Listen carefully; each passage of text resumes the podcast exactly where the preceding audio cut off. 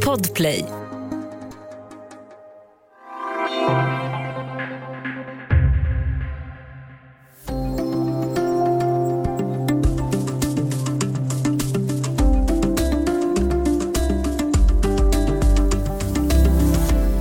Vänsterpartiet har haft en nyckelposition under regeringsbildningen, om än från utsidan.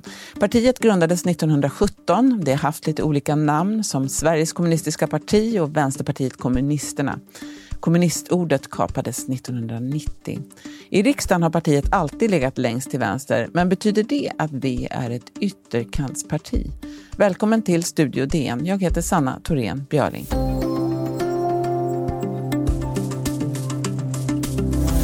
Någon jävla ordning ska det vara i ett parti.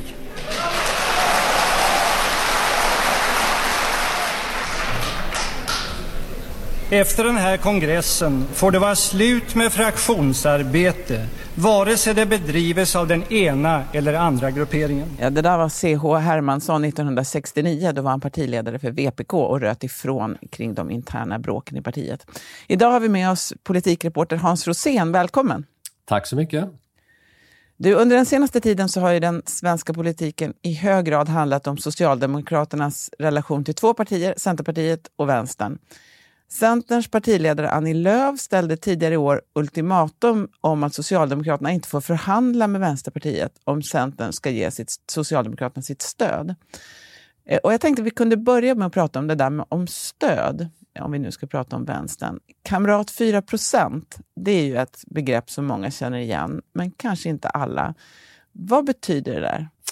Ja, alltså det, det, det, används ibland på två olika sätt. Den, den ursprungliga betydelsen, det var ju faktiskt att eh, Kamrat 4% det var socialdemokrater som röstade på eh, Vänsterpartiet eller Vänsterpartiet kommunisterna eh, och eh, tidigare då. Eh, därför att eh, det socialdemokratiska maktinnehavet vilade ju faktiskt oftast på att eh, Vänsterpartiet fanns i riksdagen. Och ibland såg det ju lite skrynkligt ut för vänsterpartisterna eller kommunisterna som de då kallade sig. Eh, och då var det eh, socialdemokrater som lutade åt vänster som kunde lägga sin röst på på eh, Vänsterpartiet för att helt enkelt säkra upp en vänstermajoritet i riksdagen så att säga. Så att det, det, det är liksom den ursprungliga eh, betydelsen av det där begreppet. Just det. det är väl, eh, nu är det väl också detta som partiledaren Nooshi Dadgostar har lagt i förhandlingsskålen, att Hon vill ha någonting för det där stödet. Eh, som, de, som Vänsterpartiet traditionellt har lagt på Socialdemokraterna. Och I somras så ställde hon hårt mot hårt och fick regeringen Löfven på knä. Eh, så vi ska titta lite närmare just på Vänsterpartiet. Idag beskriver sig V som eh, ett svenskt socialistiskt och feministiskt parti på ekologisk grund. Så har det ju inte alltid varit. Eh, om du backar lite, hur ser partiets tidiga historia ut? Ja, det har ju varit en väldigt lång resa och det är ju den där långa resan som är lite bakgrunden till det här stäm att, att Vänsterpartiet fortfarande stämplas som ett ytterkantsparti av motståndare. Eh, partiet uppstod ju som en utbrytningsfraktion ur Socialdemokraterna då, eh, som du nämnde 1917. Eh, och, och, det var ju en väldigt dramatisk tid i, i, svensk politik. Det var ju revolutionära stämningar, det var världskrig, eh, det var ekonomisk kris, hungersnöd, delar av den svenska befolkningen, kravaller och så vidare och eh, rösträttskampen var väldigt intensiv och, och eh, sådär. Eh, och, och, då stod ju arbetarrörelsen inför ett vägval. Det var också så att man hade chans att bilda regering för första gången, Socialdemokraterna ihop med Liberalerna och det blev liksom en vattendelare att skulle man liera sig med, med borgerligheten då eh, i form av Liberalerna och, och eh, sitta i regering eller skulle man liksom vidmakthålla liksom en mer revolutionär linje? Det var det som spräckte partiet på den tiden. Eh, och, och sen, sen, var ju länge det här partiet ett, ett kommunistiskt parti och eh, som inte, eh, så att säga, till att börja med inte, inte erkände så att säga, den liberala demokratin. Det var ett revolutionärt parti och som under lång tid också eh, sedan var väldigt nära lierat med Sovjetunionen och, och, och sedermera östblocket då så att säga. Och sen var det en lång resa där man långsamt eh, lösgjorde sig ur den här dels kommunistiska ideologin och dels banden till, till Sovjet och, och eh, östblocket så att säga. Och det var väl egentligen då inte förrän på 90-talet då som du nämnde när, när muren föll och, och man slopade K i VPK som man eh, tog, tog, det riktiga steget. Eh, men sen, sen har den processen fortsatt även efter det. Jag menar, Lars Ohly kallade sig kommunist långt in på, på 2000-talet så att säga. Och, Eh, Eh, det var väl Jonas Sjöstedts, ett av Jonas Sjöstedts stora projekt som partiledare var ju att slutligen försöka tvätta bort den här liksom extremiststämpeln på partiet och jag tror att man nog kan säga att han lyckades ganska bra. Det är även, även motståndare som kan ge honom ett erkännande för det. Ehm, ja, snabbspolning genom partiets historia kan man säga. Ja, precis. Eh, det var ju också så att eh, eh, under andra världskriget till exempel, då var ju Vänsterpartiet det enda som inte fick ingå i samlingsregeringen, eh, precis mot bakgrund av det du säger. Och man var inte heller med i den så kallade utrikesnämnden förrän eh, på 90-talet. Eh, sen kom det ju också, vi kan bara säga någonting om det, att under 60-70-talet inte minst så, så bröts det ju ut andra partier från Vänsterpartiet. Jag tänker på kommunistiska partiet Marxist-Leninisterna, Revolutionärerna, KPMLR och APK, Arbetarpartiet Kommunisterna. Eh, kan du bara säga någonting om de där utbrytarna? Hur skilde sig de från, från dåvarande VPK? Ja, det stora brottet där, det var väl, eh, ja, nu, nu, nu är det svårt att hålla ordning på alla bokstavskombinationer, men det stora brottet först var väl eh, KFML som de hette och sen blev det väl SKP och de, där var det ju en fråga om man skulle se Sovjet eller Kina som sin stora förebild så att säga. Så att KFML och sen SKP, de, de kallades ju maoister.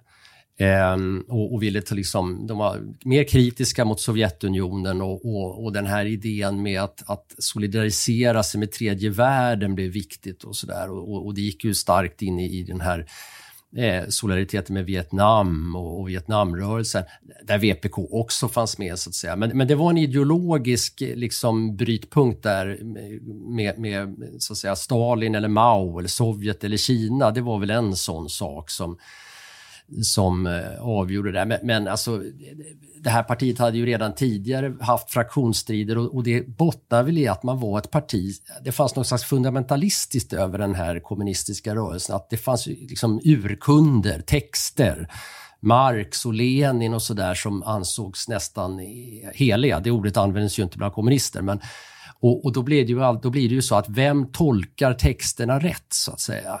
Eh, och, och, det var väl liksom, det bäddade på något sätt för att det skulle uppstå olika tolkningar och oförsonliga strider kring vad som är den rätta läran, så att säga. Ungefär mm. så. Du var inne på det också, vad partiledarna har haft för betydelse här och vad man, hur man har diskuterat det här och att det har varit en lång process.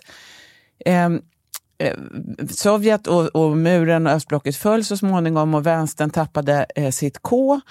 Hur skulle du säga, hur har, de här, hur har det här arvet och den här kommunismen, hur har det diskuterats internt inom Vänsterpartiet sedan dess? Har man, hur har man hanterat den här historien? Ja, man gjorde ju någon slags vitbok där ehm, eh, början på 90-talet. Eh, jag tror att det var idéhistorikern Sven-Erik Lidman va? var en av dem tror jag som var inblandad i det där, där man skulle på något sätt göra upp och sådär. Ehm, eh, och, så, så, det gjorde man, men, men det ansåg, en del ansåg att det var ganska halvhjärtat försök och eh, ehm, det, det, har varit en lång process liksom och, och, och, hur mycket man ska ta avstånd ifrån sitt förflutna och, och så. Ehm, och, och, sen har det ju liksom komplicerats lite grann, eller motståndarna har i alla fall använt till exempel att man har fort, delar av partiet har fortsatt uttrycka sympati för Kuba till exempel. Eh, Hugo Chavez i Venezuela blev lite av en idol bland en del vänsterpartister och han blev ju sedan, eh, ja, visade ju auktoritära drag, odemokratiska drag och det där eh, har väl också liksom, försvårade väl processen att tvätta bort den här kommuniststämpeln så att säga. Så att det har gått ryckigt och hackigt och och, och, men jag tror att, eh, som sagt, med Jonas Sjöstedt, med bytet från Lars Ohly till Jonas Sjöstedt, då hände ändå någonting där och jag tror att Sjöstedt ändå Ingen betvivlar att Jonas Sjöstedt så att säga, respekterar den liberala demokratin och han var alltid väldigt noga med att det är demokratin är viktigast. Vi, vi strävar efter ett jämlikt samhälle Men demokratin är ändå hela fundamentet så att säga. Så att man får nog säga att Sjöstedt kom väldigt långt i alla fall i det mm. där. Hur har Socialdemokraterna, eh, som ju dominer, har dominerat svensk politik under eh, större delen av 1900-talet, men även förstås nu, eh, hur har de hanterat det här? Dels att de har varit beroende av Vänsterpartiet men ändå eh, också varit noga med att de minsann inte är några kommunister. Hur har de eh, sett på det där? Ja, det är ju en väldigt märklig relation på det sättet. Det, det var ju länge Alltså, som du sa, man uteslöt dem ju från samlingsregeringen. Man litade överhuvudtaget inte på kommunisterna under andra världskriget. Man såg dem som Sovjetlakejer. Man internerade många kommunister, satt i arbetsläger i Sverige. Och sen eh, under kalla kriget så sågs de ju som en säkerhetsrisk helt enkelt. Och eh, sen startade ju Socialdemokraterna den här sen mycket uppmärksammade eh, underrättelseverksamheten, IB-affären känner, känner ni till kanske. Eh, där man helt enkelt kartlade kommunister och, och eh, var åsiktsregistrerade och man var väldigt noga med att se till att de inte fick någon makt inom fackföreningsrörelsen. Ehm, så, att, så man var ju väldigt, eh, man, man stödde sig på kommunisterna i riksdagen men samtidigt var man ju väldigt fientligt inställda till dem egentligen. Sen skedde ju, det, det, första skiftet kan man väl kanske säga var väl kanske på 90-talet när Schyman hade tagit över. Då hade man ju släppt K1 Eh, så vidare och gjort en viss avbön från, från kommunismen och då eh, Persson och Schyman hade ju en viss, liksom, vissa uppgörelser kring den ekonomiska politiken under krisen på 90-talet. Så där, där, skedde väl ett skifte, första skifte kan man säga, i relationerna mellan S och V. Mm. Vi ska alldeles strax prata mer om vad, hur de här relationerna ser ut idag.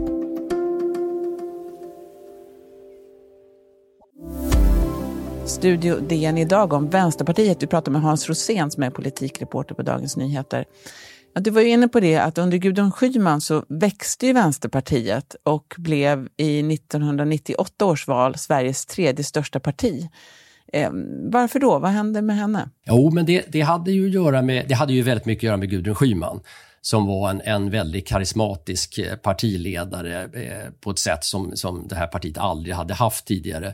Eh, och gick, liksom, fick ett genomslag i tv och så vidare. Och Sen berodde det också på förstås att man i och med att man hade slopat K1 så, kan, så var det fler väljare som kunde känna att ja, men det här är ett parti man kan rösta på. Ehm, och sen så adderade ju Schyman väldigt mycket det här med feminism till ideologin. Det blev ju ett tydligt feministiskt parti.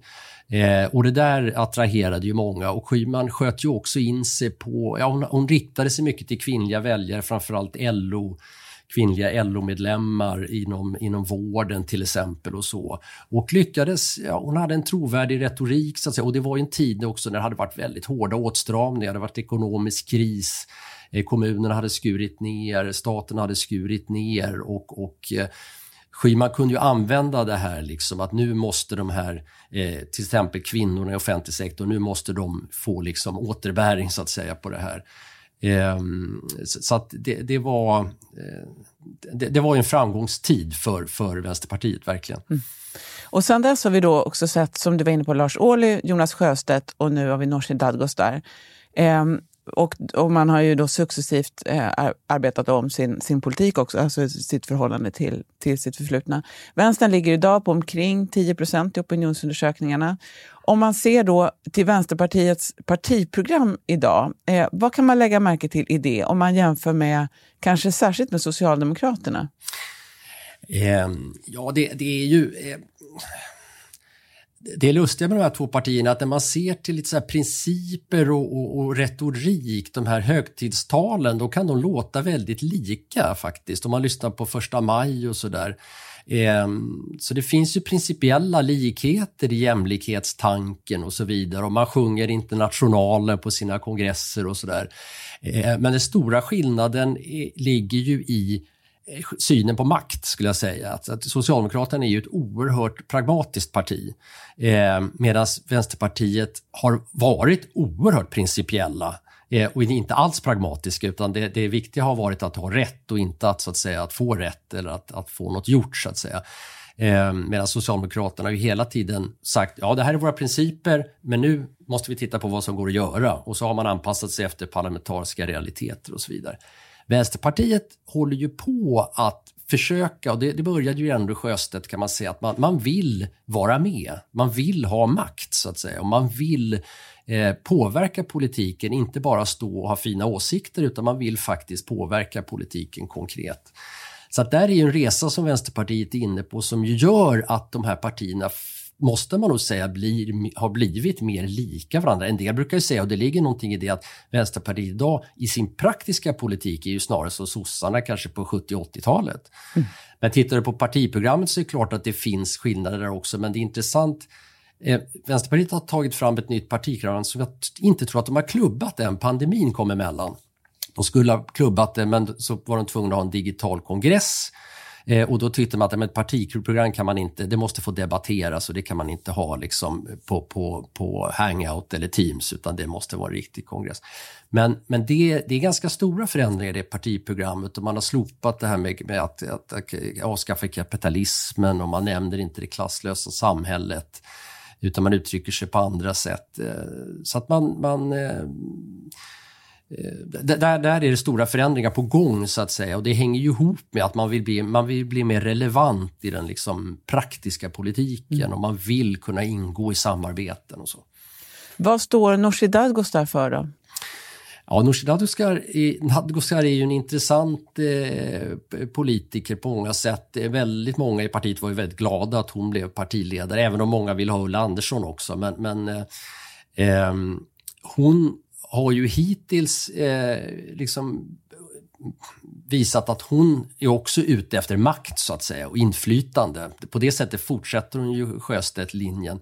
Men hon gör det ju med betydligt hårdare tag så att säga. Det som Jonas Sjöstedt hotade med, det har Nooshi Dadgostar gjort på riktigt så att säga.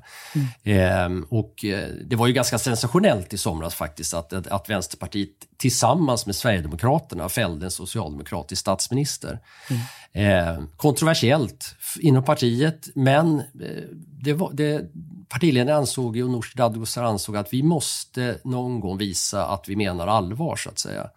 Mm. Eh, nu återstår det ju att se, som vår kollega Eva Stenberg skrev häromdagen i Analys. Hon har visat att hon kan slåss, men frågan är kan hon också sluta fred och faktiskt komma in i ett samarbete? Det, det är ju det som återstår att se.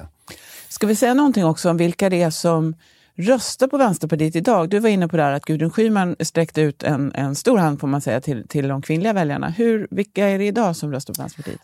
Ja, Vänsterpartiet är fortfarande ett parti som, som har större stöd bland kvinnor än bland män. Och man, man, man, har, man, man är ett starkt parti bland, bland kvinnliga väljare. Man är också ett relativt starkt parti bland unga.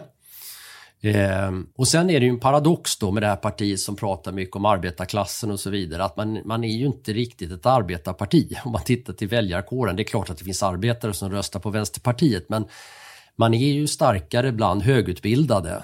Ehm, och det är väl lite en, ett arv från den här tiden. Det var viktigt att man hade läst Marx och kunde uttolka Marx på rätt sätt. Det var mycket sociologiprofessorer och sådär i Vänsterpartiet.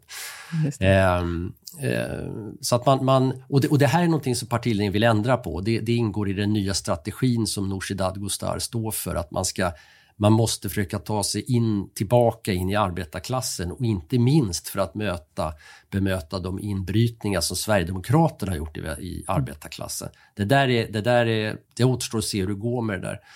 Sen kan man säga en sak till om väljarkåren eh, och, att, och det är ju för Vänsterpartiet, precis som för Socialdemokraterna, så är man ju starkast i Norrland också. Det, det röda Norrland är ju faktiskt någonting som eh, fortfarande är en realitet. Mm.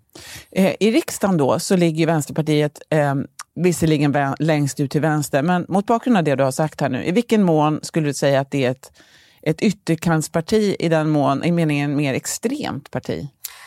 Ja, alltså man ska ju komma ihåg att det här begreppet ytterkantsparti, det är ju någonting som myntas av, av, av, motståndarna till Vänsterpartiet och Sverigedemokraterna så att säga. Så att det, det är inte en matematisk term utan det är ju en retorisk term så att säga. Eh, men man kan väl säga att, att, att, att den, den stämpeln hamnar på Vänsterpartiet beror väl på två saker. Det ena är ju den här historien vi har pratat om. Att man har ett, ett extremt förflutet. Man har varit ett extremt parti.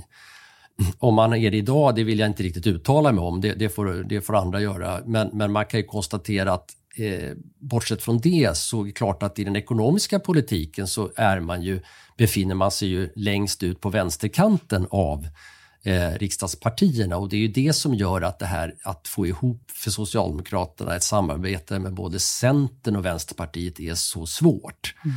Är därför att i den ekonomiska politiken så står de här partierna väldigt långt ifrån varandra. Vad har hänt med Vänsterpartiets svans? De här eh, ja, extremvänstern då? Ja, jag, jag, har inga djupare inblickar i det, men mitt intryck är att den, den har förtvinat kan man väl mm. säga. Det finns några sådana här små bokstavspartier kvar och det finns ju en viss vänsteraktivistisk, eh, det finns ju en våldsbejakande vänsteraktivism som poppar upp ibland eh, och så, men, men eh, eh det, det, det, är rand, rand, ja, våldsbejakande saker ska man ju aldrig kalla för randfenomen kanske, det är ju illa nog som det är, men, men när det gäller den här bokstavsvänstern och de här fraktionerna som bröts ur så är det ju eh, det, det, är ju ett marginalfenomen idag. Mm. Så att när Annie Lööf, som ju brukar klumpa ihop Sverigedemokraterna och Vänsterpartiet, hur resonerar hon tror du? Men det, det, var väl så här att när Centerpartiet bröt upp från Alliansen och det gjorde de ju tillsammans med Liberalerna då, även om Liberalerna sen har bytt sida igen. Eh, då var det ju väldigt viktigt för Annie Lööf att det var en svår manöver inför hennes borgerliga väljare. Att, att säga nej till Ulf Kristersson och släppa fram Stefan Löfven, det, det, det var ju smärtsamt.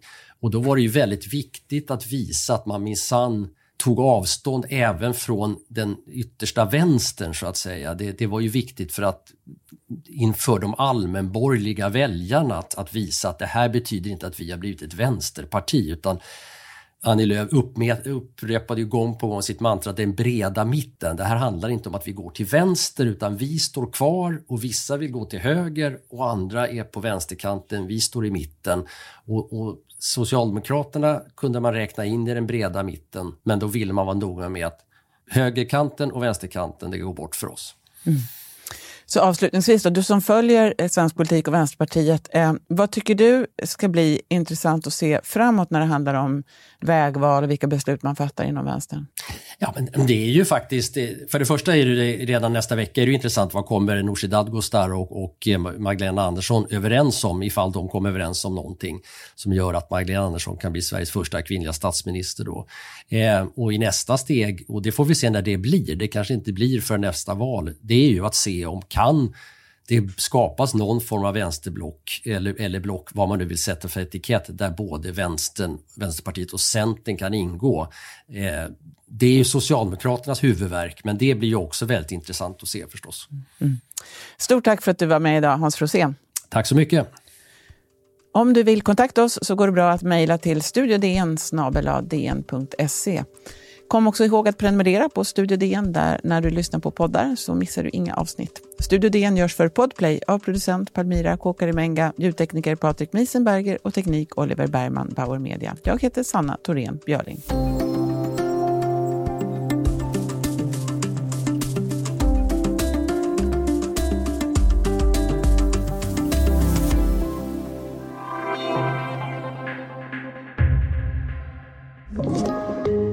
Podplay.